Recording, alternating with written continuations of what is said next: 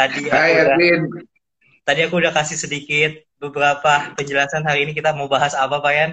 Jadi ini kadangkala uh, suka terjadi sama setiap orang. Bahkan tadi siang aku baru ketemu prospek, aku udah presentasi Pak Yan, tapi kelihatannya terpukau. Tapi kelihatannya aku lagi nunggu-nunggu feedback respon WA-nya belum dibalas-balas nih Pak Yan. Apakah aku Hmm. harus menunggu dia terus? Apakah gimana nih? Iya, sering ya kita menghadapi uh, fenomena seperti ini, di mana mungkin ketika kita uh, awal kita ketemu sama prospek, terus kemudian Iya. kita uh, sedikit uh, singgung mengenai apa yang menjadi service kita, produk kita, dan nampaknya mereka juga berapi-api, mereka semangat sekali gitu ya. Mereka uh, meminta penawaran dari kita, meminta quotation dari kita, meminta ilustrasi dari kita, meminta uh, apa uh, presentasi dari kita seperti itu ya. Namun uh, pad- setelah kita melakukan presentasi, setelah kita melakukan yang namanya uh, memberikan penawaran, meng-email dan lain sebagainya, eh setelah kita follow up nggak bisa dihubungin, Iya, nggak ada Ya. respon sih Pak. Iya, tepatnya nggak ada nggak ada respon. Bahasa yang paling kerennya mungkin kalau bagi aku ada di PHP-in sih Pak. Itu dia, ya di PHP. Nah, kawan-kawan semua seluruh uh, tanah air, ya luar biasa. Ya. Saya, uh, terima kasih uh, sudah ketemu lagi sama kita kita. Dan pernah nggak teman-teman semua uh, sebagai seorang penjual juga merasakan apa yang Edwin rasakan dan saya rasakan? Sudah kesannya orangnya ini udah semangat sekali gitu ya untuk mendapatkan penawaran dari kita. Kesannya ini adalah prospek yang hot banget, tetapi ternyata setelah itu hilang, lari. Kalau ada yang pernah, coba sharing pengalaman kalian di sini gitu ya. Coba ketik gitu. Oh saya juga pernah gitu ya. Kapan pada waktu itu? Nah, ya Wim, kadang-kadang memang kita tidak pernah terlepas dari fenomena-fenomena seperti ini gitu ya. Dan kita perlu kita perlu tahu bahwa segala sesuatu itu pasti ada reasonnya, pasti ada sebabnya. Nah, kita perlu tahu nih, gitu kan, eh, apa saja yang menjadi penyebabnya, apa yang bisa menjadi sebabnya, sehingga harapannya kita bisa melakukan preventif dan kemudian kita bisa melakukan tindakan-tindakan eh, kuratif lainnya gitu ya, tindakan-tindakan yang kita bisa lakukan supaya kita bisa mendapatkan feedback. Nah, gitu. Berarti Dan sebenarnya Pak, itu hal yang wajar ya? Itu hal yang wajar dan memang akan terjadi pada siapa pun sebenarnya Pak? Atau sebenarnya salah akunya sih di PHP-in? Karena ketika melakukan sales, apa gimana nih Pak? Ya, eh sekarang ya, hal-hal semacam ini itu tidak se tidak 100% itu salah kita ya, tapi juga mungkin juga ada yang dari sisi kita yang yang perlu kita benahin ya. Apa pun itu ya ini adalah sebuah pembelajaran. Intinya yang kita harus Hmm. pahami itu. Kalau di PHP di PHP itu wajar apa enggak? Ya mungkin bisa jadi wajar saja gitu ya. Ya. Karena ada sesuatu yang yang miss di sini gitu kan. Dan saya kenapa Hmm. orang itu kok kesannya PHP ya penerbat halaman palsu gitu ya. Nah, Oke, kita aku akan tanya dulu Pak. Why is happen prospek lari setelah presentasi? Nah, itu dulu deh pertanyaan paling simpelnya Pak. kenapa orang lari ya setelah Hmm. kita selesai memberikan penawaran, setelah kita presentasi gitu ya, kenapa gitu ya. Nah, eh, saya juga ingin berbagi pada kawan-kawan semua berdasarkan pengalaman dan apa yang saya pelajari gitu ya. Dan Boleh. mungkin bisa saja Anda terapkan juga dalam bisnis Anda, apa pun bisnis Anda, mau properti, mau apa namanya otomotif, mau apalagi asuransi, mau apalagi ya semua jenis Iya, gitu ya. Saya dulu di chat gitu kan. Nah, sekali lagi saya ceritanya chat gitu kan seperti itu. Karena memang eh, saya memang juga ya. lama di lama di dunia chat gitu ya, lama di dunia eh, apa produk pengecatan. Oke, kenapa ini bisa terjadi pada diri Hmm. seorang sales, pada seorang eh, kepada seorang penjual? Kenapa orang itu setelah kita tawarin tetapi kemudian tidak ada feedback? Kesannya lari ya, dihubungin nggak bisa seperti itu ya. Nah, yang pertama, yang pertama bisa jadi personal in charge yang kita biasanya ketemu itu resign atau mutasi. Bisa aja kan? Kita udah presentasi, kita sudah eh, kita sudah bisa, kita sudah melakukan apa namanya pitching sebelumnya gitu ya pada seorang PIC ini kita udah jelaskan manfaatnya terus kemudian kita berikan penawarannya tetapi kemudian sunyi. Bisa jadi karena satu ya dia resign tidak lama setelah itu dia resign. Karena kan kita nggak pernah tahu ya siapa tahu memang dia sudah resign gitu kan. Tapi dia masih melanjutkan tugasnya gitu kan. Nah resign atau mutasi. Oke. Okay. ya desain atau mutasi. Lah. Kalau dia mutasi dari satu bagian ke bagian yang lain, katakanlah dari bagian pembelian, terus kemudian uh, dia berpindah ke bagian misalnya uh, Q, uh, misalnya di bagian finance misalnya seperti itu. Ya, siapa tahu gitu kan, sehingga dia tidak menghandle itu lagi gitu kan, dan mungkin uh, apa namanya uh, dia sudah serahkan atau delegasikan kepada orang yang menggantikan, namun mungkin ada sisi uh, missnya ya siapa tahu begitu. Kita coba berpikir positif aja. Itu yang kemungkinan yang pertama Erwin. Ya, okay. saya mengucapkan bergabung buat suhu-suhu master-master saya ada Kak Lucy Andra ini. Kapan-kapan boleh ya, Kak Lucy juga okay. bisa mengisi Mi Power Fit Plan gitu ya. Boleh ya diundang ya. Kak Lucy boleh, ini seorang luar biasa. Juga Kak Rafid juga di Bali. Kak Rafidnya adalah seorang yang luar biasa juga ya. Itu yang pertama. Jadi apakah orang yang orang yang kita tadi sempat tawarin itu uh, mutasi atau resign. Ya. Yeah. Dan saya punya cerita lucu nih kalau di dunia asuransi. Kita udah tawarin ya kepada seseorang, terus kita mungkin agak kelupaan, terus kita kita follow up gitu ya. Eh nggak dibaca-baca. Ya. Nah. Nggak dibaca-baca. Ada dibaca, dicentang, tetapi nggak dijawabin. Nah, iya, centang doang tuh, Pak. nah, ya. Usul punya uh, usul punya usut ternyata Win, ya yang kita bilang presentasi itu sudah berpulang, Win. Wow. Resign.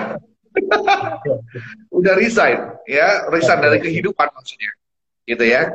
Resign dari kehidupan yang menjawab adalah anaknya. Oh iya, papa sudah, papa, uh, papa dua, uh, apa dua minggu lalu wafat, bilang begitu. Ya, okay. dan saya nggak tahu, gitu ya seperti itu ya jadi itu kemungkinan yang pertama orangnya resign ya resign dari pekerjaannya dia atau resign dari kehidupannya dia gitu kan okay. atau mungkin mutasi mutasi itu adalah pindah bagian ya itu yang pertama nah yang kedua yang kedua nih dia mungkin sudah ngomong nih sama bosnya sama uh, koleganya mungkin sama bagian decision makingnya gitu ya dia udah ngomongin ya tentang benefit tentang uh, penawaran kita gitu ya tapi si uh, pemegang keputusan itu itu menolak, ya uh, keberatan, menolak. Dan dia sudah berusaha untuk menjelaskan kepada bosnya, gitu ya, karena mungkin dia nggak enak sama kita juga. Dia berusaha untuk jelaskan ke bosnya, namun uh, bosnya mengatakan tetap tidak bisa tidak uh, bisa menerima penawaran tersebut. Nah, karena dia merasa dekat sama kita, kita merasa uh, dia udah semangat awalnya gitu ya. Terus kemudian decisionnya ternyata tidak jadi, dia agak agak nggak enak nih ngomong sama kita. Ah, iya Pak, iya benar. Itu itu sering terjadi banget. Soalnya decision makingnya bukan di kita ya jatuhnya, karena decision makingnya di orang lain. Kita cuma kayak penyampai pesan gitu ya. Benar, makanya kita ketika kita menjual sebenarnya kita juga perlu tahu bahwa kita berhadapan dengan decision maker nggak gitu ya, ataukah cuma hmm. supporternya saja. Kalau memungkinkan bisa langsung, ya itu akan jauh lebih baik gitu kan kita presentasi pada decision makernya ya. Okay. Di dalam dunia pengecatan dulu juga sama gitu ya. Saya bertemu dengan orang purchasing gitu kan, tetapi ternyata yang saya hadapi itu bukan decision maker gitu ya. Sehingga hmm. penawaran saya mungkin ditol uh, ditolak sama atasannya, tetapi ya itu karena sudah sudah kesannya udah bersemangat gitu ya ngomong sama saya gitu ya, udah uh, seakan-akan memberikan harapan tapi ternyata si bos nggak setuju dan akhirnya dia nggak jadi beli dari saya dan dia nggak enak untuk mengungkapkannya ya dan yeah, itu yeah. bisa terjadi pada bisnis apa pun kalau saya kan bisnis retail ya waktu itu ya bisnis retail itu adalah bisnis uh, bukan yeah. retail ya kalau saya dulu uh, B2B ya bisnis to business gitu kan yeah. di retail pun sama gitu kan di retail pun sama bahkan kalau kita ngomong di asuransi pun sama kadang-kadang uh, si istri gitu ya udah wah kayaknya ini seneng banget nih istrinya wah ini cocok ini Kevin gitu kan Cocok ini manfaatnya ya. bagus banget gitu ya. Saya ngomong sama suami dulu ya, gitu ya. Tapi setelah ya. itu iya. menghilang, sunyi, gitu ya. Ternyata nah, suaminya nggak setuju, gitu ya. Wah, saya nggak setuju, gitu ya. Ya, buat apa asuransi misalnya gitu kan? Ya, habis-habisin duit aja kan. Tapi semestinya istrinya ini pengen, tetapi dia nggak apa ya, nggak nggak berani me, me, apa, membantah suaminya gitu kan sehingga dia juga nggak enak sama kita sehingga dia mengatakan lebih baik saya nggak ngomong aja gitu kan sesuai kenapa ketika kita follow up itu nggak dijawab gitu kan cuma dibaca hmm. aja gitu kan nah seperti itu jadi bisa jadi gitu gitu ya yes, yes, jadi yes. dia bukan decision maker utama gitu ya. Syukur sih kalau kita kita mendapatkan feedback itu bagus ya. Artinya oh enggak Pak Yan. Uh, terima kasih. Kami sudah mendapatkan uh, apa uh, solusi dari tempat yang lain misalnya seperti itu. Jadi sementara ya. kami belum bisa kerjasama dengan bapak. Nah itu mungkin lebih enak ngomong kayak gitu ya, ya, ya daripada ya. cuma didiemin gitu kan. Betul ya, dan, hmm, betul karena karena kalau di PHP ini tuh paling nggak enak sih karena kita nggak tahu apakah kita tuh sebenarnya yang salah dari sisi kita apakah kita tuh harus presentasi lagi apakah sebenarnya kita harus kasih waktu. Sebenarnya kiat-kiatnya tuh gimana sih pak? Cara misalnya kita udah presentasi responnya udah bagus. Terus ketika kita mau follow up lagi tapi kayaknya gimana caranya nggak terlalu tekan tapi nggak terlalu panjang juga waktunya. Nah mainnya ya. gimana tuh pak kiat-kiatnya? Nah oke okay. nanti saya kita saya akan jelaskan ininya ya beberapa kiat-kiatnya. Ada ada ada ada yang lain ini penyebabnya gitu ya penyebab yang lain mungkin dia sibuk ya. Sibuk sehingga ya. belum sempat review apa yang menjadi uh, proposal kita ya. Memang benar-benar sibuk. Benar-benar sibuk. Bukannya bukannya apa namanya mengada-ada tapi benar-benar dia sibuk ya. Seperti itu. Bisa jadi begitu ya. Bisa saja bisa saja sejak awal dia mungkin hanya kepo doang gitu ya. Kepo doang itu artinya apa? Dia cuma pengen ya pengen tahu aja gitu ya. Tapi nggak punya niatan beli mestinya Oke, cari informasi gitu doang ya Pak ya? Ya, cari informasi aja gitu ya. Uh, apa?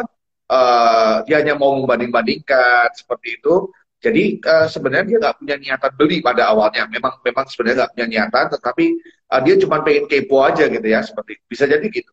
Bisa jadi gini, value apa yang value yang kita berikan itu memang nggak bisa nggak memenuhi harapan mereka. Bisa jadi begitu, ya. Yeah. Uh, sehingga ya kemudian mereka caw gitu aja gitu ya. Mereka mereka nggak ya udah uh, saya akan uh, apa namanya saya akan uh, uh, saya akan abaikan penawaran yang kita beri uh, yang sudah diberikan begitu ya seperti itu. Jadi ya. mungkin budgetnya nggak sesuai, hmm. ya. ya. Dan mungkin budget dan apa yang kita tawarkan, harga yang kita tawarkan juga mungkin tidak sesuai, ya. Mungkin karena katakanlah misalnya kita beli, uh, kita mengajukan satu proposal gitu ya untuk jual asuransi gitu kan kepada klien kita dan ternyata premi yang kita tawarkan terlalu tinggi gitu kan. Uh, premi yang kita tawarkan terlalu tinggi dibandingkan dengan budget mereka yang real gitu kan seperti itu. Hmm.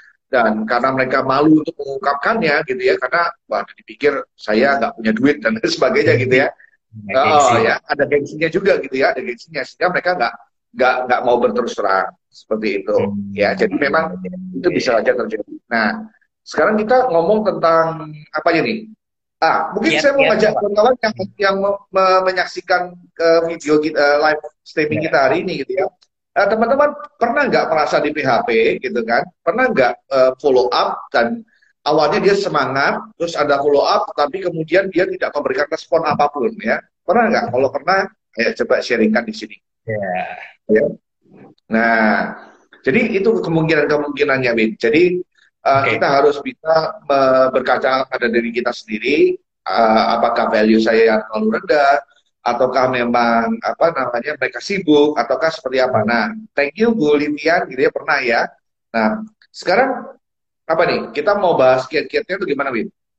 Yes, betul. Jadi uh, aku dapat insight yang bagus tadi dari Pak Memang salah satu probabilitasnya adalah sibuk ya. Jadi tadi aku habis kontak-kontak-kontak kok ini belum dibalas-balas ya kan aku cuma suruh ngisi yang namanya link sih pak link buat uh, public uh, join tapi kok belum ngisi-ngisi takutnya apa yang aku presentasikan tuh belum tadinya kena padahal tadinya tuh responnya dia udah bagus pak tapi habis itu WA-nya udah nggak dicentang bio lagi kayak nggak dibaca gitu yeah. pak Nah, mungkin yeah. memang harus berpikir positif juga ya. Mungkin lagi sibuk, kita tunggu satu sampai dua hari. Oke, okay kalau kita membicara tentang lebih detail lagi Pak, tadi dari semua enam kemungkinan, gimana cara kiat-kiatnya kita bisa menghandle prospek yang lalu setelah presentasi?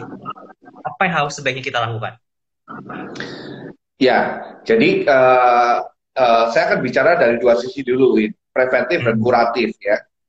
Kalau okay. preventif itu adalah pencegahan ya, jangan sampai begitu. Mungkin karena kita sudah tahu sekarang gitu ya, apa saja kemungkinannya, kita bisa di awal itu kalau memang dia butuh waktu untuk berpikir, uh, dia yeah. butuh waktu untuk memutuskan, atau uh, setelah kita presentasi terus kemudian dia uh, uh, apa setelah kita presentasi uh, kita, dia masih butuh konsultasi lebih lanjut maka sampaikan kepada mereka bahwa beberapa hari kemudian mereka akan uh, saya akan menghubungi anda kembali untuk menanyakan keputusannya ya apa pun keputusan anda kita bisa ngomong gitu ya apa pun keputusan anda saya akan terbuka artinya walaupun anda anda oke, okay, anda deal, uh, itu akan akan menjadi sebuah sukacita bagi saya, gitu ya. Hmm. Tapi kalau anda mau negosiasi lagi, silakan, jangan sungkan-sungkan. Dan kalau anda memang merasa bahwa uh, apa yang saya tawarkan ini itu manfaatnya dirasa tidak sesuai, maka hmm. please let me know, ya. Apa pun keputusan anda, jangan ragu untuk me menyatakan kepada saya. Dan saya akan hmm. sangat senang sekali untuk bisa mendapatkan feedback dari Anda. Ya, syukur kalau kita bisa melanjutkan kerjasama ini. Saya akan mengatakan hal demikian. Namun saya akan bilang bahwa dua hari lagi, gitu ya, hmm. saya akan uh, hubungin Anda kembali ya, seperti itu. Oke, kasih janji di akhir ya, Pak ya, kasih sebuah ikatan ya. Ya, kita kita kasih ikatan, kita ya, uh, kita sebuah kita meminta mereka sebuah komitmen untuk mem, me, me, me, berhubungan lagi dengan kita apa pun keputusan Hasil. mereka. Iya, yes, barusan hari ini juga saya mendapatkan sebuah keputusan, Win. Jadi uh, mereka ternyata uh, pasangan ini lebih memilih uh, apa produk yang berbeda dari apa yang saya tawarkan, ya. Saya menawarkan whole life, tetapi mereka lebih memilih term life, misalnya seperti itu. Ya. Tapi it's okay, karena Bapak sudah tahu reasonnya mereka ya, Pak ya. Iya, dan itu akan sangat membahagiakan gitu ya, karena saat ini mungkin mereka e, menolak, mereka memilih yang lain, tetapi ketika saya setia dengan apa yang saya pelayanan saya, maka suatu saat mereka e, akan e, berpaling kepada saya gitu kan, seperti itu ya, seperti itu. Dan ini kalau kalau preventif, nah kalau kuratifnya gimana? Kalau kuratifnya begini, kuratifnya begini. Satu, kalau saya dulu, saya ingat-ingat ya, saya kejadian di satu hotel gitu ya, penawaran saya kemudian tidak uh, tidak mendapatkan respons. Saya kontak PIC yang saya tuju juga nggak dijawab-jawab, di telepon juga orangnya dibilang nggak ada terus gitu ya. Nah, saya coba untuk menghubungi kolega yang lain. Misalnya dia chief engineer ya, chief engineer dari salah, salah satu hotel gitu kan.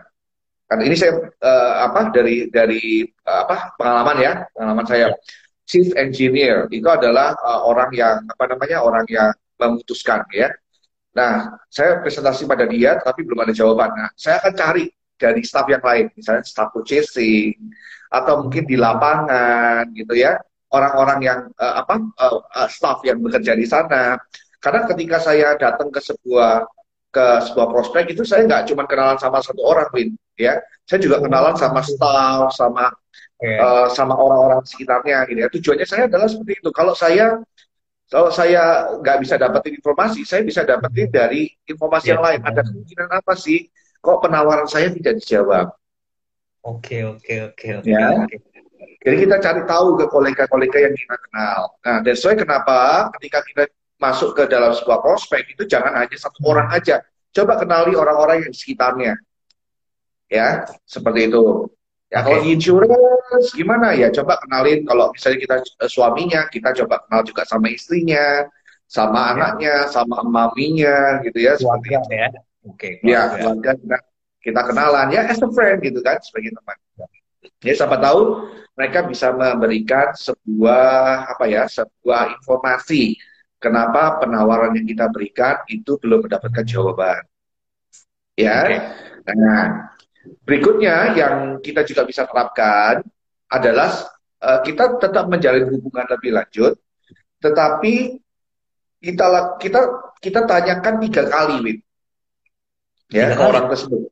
Ya, kalau kita kita eh, nggak uh, ada kolega, mungkin kita bisa mencoba gitu ya, menanyakan ini sebanyak tiga kali gitu ya. Lebih dari itu, ya mungkin kita bisa abaikan dulu gitu ya.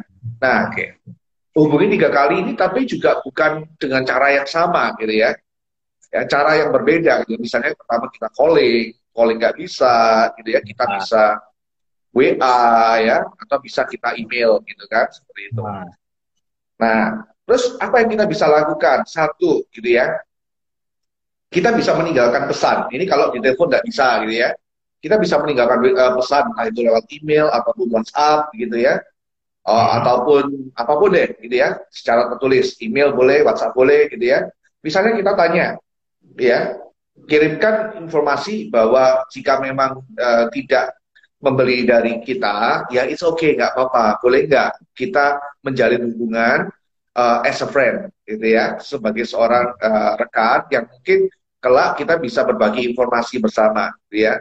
So, Bapak Ibu, jangan uh, apa, jangan bukan, apa namanya, ya, jangan bukan jika ya. memang Ibu atau Bapak uh, uh, menolak uh, proposal saya, gitu ya karena mungkin uh, apa yang saya tawarkan mungkin belum sesuai dengan apa yang Bapak harapkan. Nah, okay. jika boleh lebih lanjut, saya bisa uh, menjadi uh, apa rekan Bapak untuk berbagi informasi lebih lanjut. Apakah diperbolehkan Pak Bu, misalnya begitu? Ya. Oke, hukum hukumnya menarik ya Pak ya. Jadi semakin kita membuka diri kita, semakin orang juga kayaknya pengen membuka diri gitu Pak. Daripada kita sama-sama yeah. diem, sama-sama nggak enak kita nggak tahu apakah prospek ini sebenarnya patut kita terus cecar atau memang harus kita abaikan ya memang hukum yang pertama adalah saling openness yang kita state di awal ketika kita presentasi kita mm -hmm. gitu okay. ya okay. jadi uh, satu yaitu ya kita bisa open aja gitu ya uh, hmm. kalau memang eh, nggak uh, oke, okay, it's okay kok nggak apa-apa gitu ya. Boleh nggak lebih lanjut kita uh, bersilaturahmi as a friend gitu ya ya seperti itu. Nah, berikutnya mungkin kita bisa uh, memberikan kepada mereka doa. ya, ya, kita bisa memberikan mereka doa gitu ya. Uh, Pak, Bu, terima, uh, terima kasih buat kesempatan beberapa waktu lalu, dua minggu lalu saya boleh berbagi uh, informasi dengan Bapak dan atau Ibu, gitu ya. Dan mungkin saat ini Bapak Ibu belum bisa mereply uh, penawaran saya karena mungkin kesibukan yang Bapak Ibu sedang jalani hari ini. Kami bisa memahami itu. Jadi uh, apa namanya?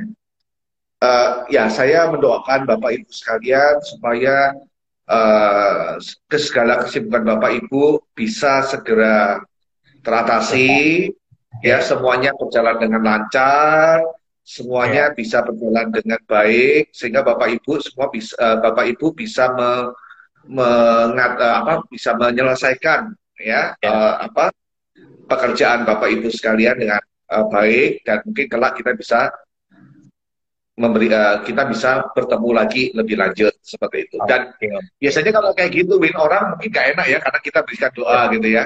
Kita ya, doakan ya, ya. Pak Bu supaya Ibu tetap sehat, uh, Bapak Ibu uh, tetap lancar dalam bisnisnya seperti itu. Next kita boleh berbagi lagi gitu ya dan biasanya kalau kita doakan gitu orang jadi nggak enak gitu kan sungkan waktu open, ya. open kebaikan ya juga. biasanya kalau open kebaikan orang lebih lebih lebih enak gitu buat ngebahas kebaikannya juga biasanya biasanya. nah, saya dulu kalau udah kayak gitu Win saya dulu apa tiba-tiba saya cuma mampir ke kau ke saya cuma mampir ke kantornya nggak ngapa-ngapain tanpa janji gitu ya. Saya cuma ngasihin satu kaos ya satu kaos kepada kepada dia gitu ya. Saya bungkus dengan baik ya. Uh, semoga uh, Bapak uh, apa uh, semoga uh, tugas uh, semoga apa isinya gini semoga Bapak bisa menyelesaikan tugas-tugas Bapak dengan baik sehingga kita bisa bertemu lagi gitu ya. Mungkin Bapak sibuk it's okay. Ya okay. ini saya kirimkan saya kirimkan bikisan kecil ini supaya Bapak ingat saya. Cuman gitu doang. Intinya adalah sebenarnya aku yang nangkap adalah perhatian ya Pak ketika kita mau diperhatikan ya kita harus ngasih perhatian dulu. Semua hukum timbal iya, balik. Gak, perlu mahal kok, gak perlu mahal-mahal kok. Ya, ya boleh deh coba gitu ya. Kalau uh, Edwin gitu ya lagi uh, misalnya pro, uh, prospek insurance gitu ya ke koleganya gitu ya dan nggak dapetin ini ya nggak dapetin uh, apa nggak dapetin respon. Coba deh datang ke rumahnya nggak usah janjian gitu ya nggak usah janjian. Nggak usah temuin orangnya ya. Hmm. kirimin aja misalnya banana cake lah atau apa crumble lah gitu ya dari yeah, back to yeah. gitu kan waduh kita nanti kita oh, dapat endorsan oh dapat endorsan gitu dari back to ya misalnya kirimin lah apple crumble lah, uh, kirimin banana cake lah ke rumahnya gitu ya. Sambil yeah. itu kasih note gitu ya. Eh, semoga kamu dalam kondisi sehat, walafiat dan uh, segala apa segala pekerjaanmu bisa berjalan dengan baik. Uh, pertanda Edwin, semoga kita bisa ketemu lagi gitu ya, seperti itu. Udah kirimin aja ke rumahnya. Ya, keren, keren, keren, keren, keren. Ya kan? Boleh coba, Pak. Kalau nggak ketemu orangnya nggak apa-apa. Kalau nggak ketemu orangnya nggak apa-apa, titipin aja sama pembantunya. Ya, eh okay. ini buat ya misalnya, eh ini buat Pak Ivan tolong ya, misalnya gitu. Ya, eh Mbak, yes. Pak, tolong ya disampaikan ke Pak Ivan, gitu ya. Ivannya ada di rumah, ada. Perlu tak? Oh, enggak, enggak usah. Saya lagi ini, saya juga lagi buru-buru, saya nitip ini aja bilang dari Pak Edwin ya. Makasih ya Pak, Bu, udah gitu aja. Nah, nanti ketika Pak Ivan ya. didatangi, itu kan, wah buka uh, dari Edwin, waduh gak enak juga gua gitu kan. Gitu. eh, terima ya, kasih ya, Win. Terima kasih ya, Win, sudah dikirimin gitu. Oh, iya, uh, Pak Ivan, sama-sama Pak, semoga suka sama Apple Crumble-nya. Enak banget itu tuh punya teman saya gitu ya. Seperti itu. Boleh dicicipin Pak gitu ya. Ya, Pak, mengenai yang kemarin beberapa waktu lalu, apakah Bapak sudah make decision misalnya gitu ya, disambung gitu kan? Oke, oke, ya. oke. Gak usah mahal-mahal sih. Gak usah mahal-mahal, cari yang cari yang sederhana gitu kan. Uh, katakanlah okay. kalau kalau kita kasih banana cake itu paling cuma enam puluh ribu gitu kan. Ya, enam puluh ribu mereka bisa satu keluarga. Terus kemudian kalau closing kita bisa dapetin uh, kalau closing kita bisa dapetin uh, apa komisi 3 juta kan lumayan gitu. Ada artinya kan enam puluh ribu dibandingkan 30 juta gitu kan. Eh dibandingkan 3 juta ya kan. Seperti yes, itu. Yes, yes. Ya, ya jadi marketing lah ya Pak ya hitung-hitung ekspres marketing. Ya. ya, kalau saya dulu kasih kaos gitu ya. Kaos ya. karena karena kalau di engineer itu kan orang-orang suka ya uh, kaos seperti itu atau uh, ya sesuatu yang yang yang berguna gitu ya. Sesuatu yang berguna gitu. Oke. Okay? Okay. Nah, tadi balik ke Payan. Tadi sapa tiga kali berarti dengan metode yang berbeda ya Pak ya maksudnya? Iya. Bisa Metodenya telepon, beda, bisa WA. Oh bisa kasih barang yang tadi juga itu salah satu bentuknya ya pak ya iya salah satu bentuknya gitu atau mungkin yang terakhir gini Win hmm. bisa kita sharing juga case-case tadi hmm. ya case-case tadi yang yang atau riset gitu ya yang yang yang bisa membantu si calon customer kita untuk bisa mendapatkan insight tentang mungkin problem-problem yang mereka hadapi. Ya, misalnya kalau saya adalah berbagi tentang bagaimana menyiasati uh, cat kayu yang mengelupas, misalnya seperti itu kalau saya dulu gitu ya. Saya saya kirimin lewat apa WA atau email gitu, saya bagikan kepada mereka. Oke, informasi ya, informasi ya, ya. iya. membantu pengetahuan mereka. Okay. Uh, riset bahwa ternyata uh, biaya uh, menurut badan uh, badan ini biaya pendidikan di uh, di Indonesia itu memiliki tingkat inflasi yang tinggi 10% per tahun misalnya begitu ya jadi kita bisa memberikan uh, riset-riset kita bisa memberikan studi case studi case yang itu membuka satu wawasan in, uh, insight gitu ya seperti itu dan siapa tahu dari sana kita bisa mendapatkan feedback lebih lanjut gitu ya dari calon uh, calon customer kita gitu oke pertanyaan terakhir nih pak gimana kalau nggak memang nggak bisa lagi pak udah tiga tiganya dilakuin Iya. Yeah. apa Ya, yeah, memang ya. Katakanlah dia sudah resign atau dia sudah mutasi atau resign dari dari kehidupan ya. Ya, kalau memang kita sudah berusaha semaksimal mungkin dan masih belum mendapatkan feedback, ya nggak apa-apa. Artinya ya kita jangan baper, ya. Kita move on dengan dengan customer yang lain gitu ya, seperti itu. Yeah. Karena memang uh, yang kita bisa kontrol yaitu win ya. Inisiatif dari kita. Kita nggak bisa kontrol orang lain gitu kan. Kita tidak bisa mempengaruhi orang lain 100% yang kita bisa lakukan adalah apa inisiatif yang kita bisa lakukan supaya kita bisa menjalin komunikasi lebih lanjut. Ya jadi uh, nggak usah baper nggak usah terus kemudian muntaber mundur tanpa berita pak saya resign aja susah jadi sales gitu kan. Aduh saya udah mencoba tapi gagal gitu kan ya. seperti itu.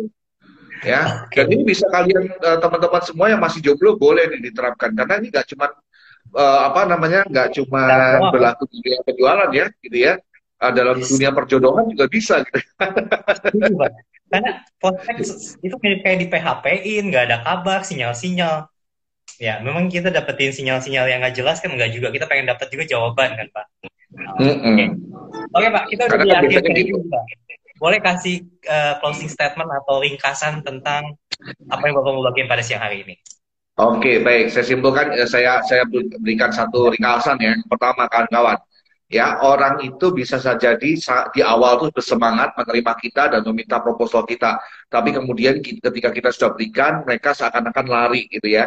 Perlu diketahui hmm. bahwa kita harus positive thinking ya. Siapa tahu memang dia sibuk ya. Siapa tahu dia resign dia mutasi. Siapa tahu begitu ya. Dan mungkin kita juga reflect kepada diri kita. Apakah penawaran kita tidak sesuai dengan harapan mereka seperti itu.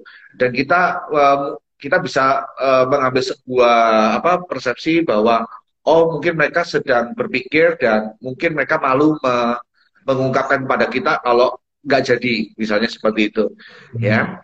Yang paling penting kawan-kawan dalam komunikasi itu adalah feedback ya. Kalau kita sudah kasihkan komunikasi gitu ya tetapi tidak ada feedback itu memang di situ yang tidak mengenakan. So, bagaimana caranya kita bisa memberikan feedback itu tadi? Nah, caranya gimana? Satu, kenali uh, apa hubungi orang-orang yang sekitarnya, kolega-koleganya ya. Tanyakan apa yang terjadi ya. Dari sana kita bisa mendapatkan feedback. Bisa juga kita menghubungi ya, menghubungi uh, lewat WA, email, uh, telepon gitu ya. Uh, kita bisa berikan mereka update, uh, studi case seperti itu. Uh, kita juga bisa apa namanya mungkin kita open aja bilang bahwa kalau nggak jadi nggak apa-apa make a friend oke okay nggak? Seperti itu kan seperti itu. Nah terus mungkin kita bisa uh, memberikan doa kepada mereka gitu ya semoga kesibukannya segera berlalu.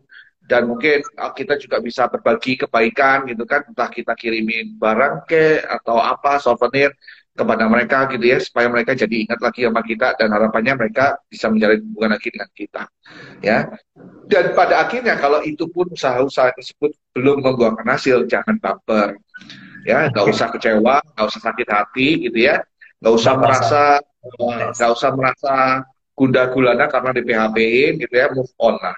Move on kita bisa uh, apa namanya melanjutkan prospek kepada calon customer yang lain ya dengan begitu kita sekali lagi ingat bahwa uh, sales is a game of number jadi semakin banyak orang yang kita hubungi semakin besar potensi kita bisa closing itu sih Agin Oke, luar biasa banget Pak Yan. Obrolan yang sangat-sangat produktif di pada siang hari ini. Aku sendiri dapat hmm. insight yang sangat-sangat banyak. Thank you Pak Yan buat insight yang luar biasa atas uh, sedikit-sedikit tadi tekniknya dan uh, gimana caranya kita ngasih yang namanya uh, follow up ke prospek setelah komunikasi.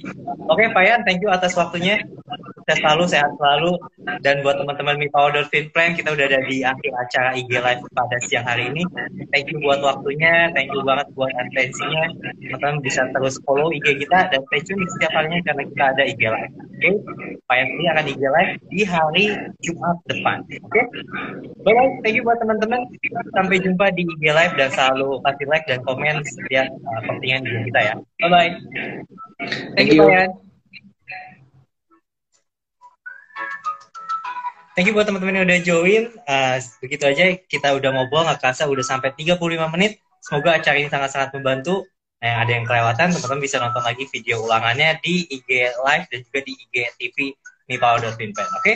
Mohon maaf bila sesalah kata dan tetap produktif di tengah pandemi ini karena kita bisa beradaptasi menjadi lebih baik lagi. Thank you. Bye-bye.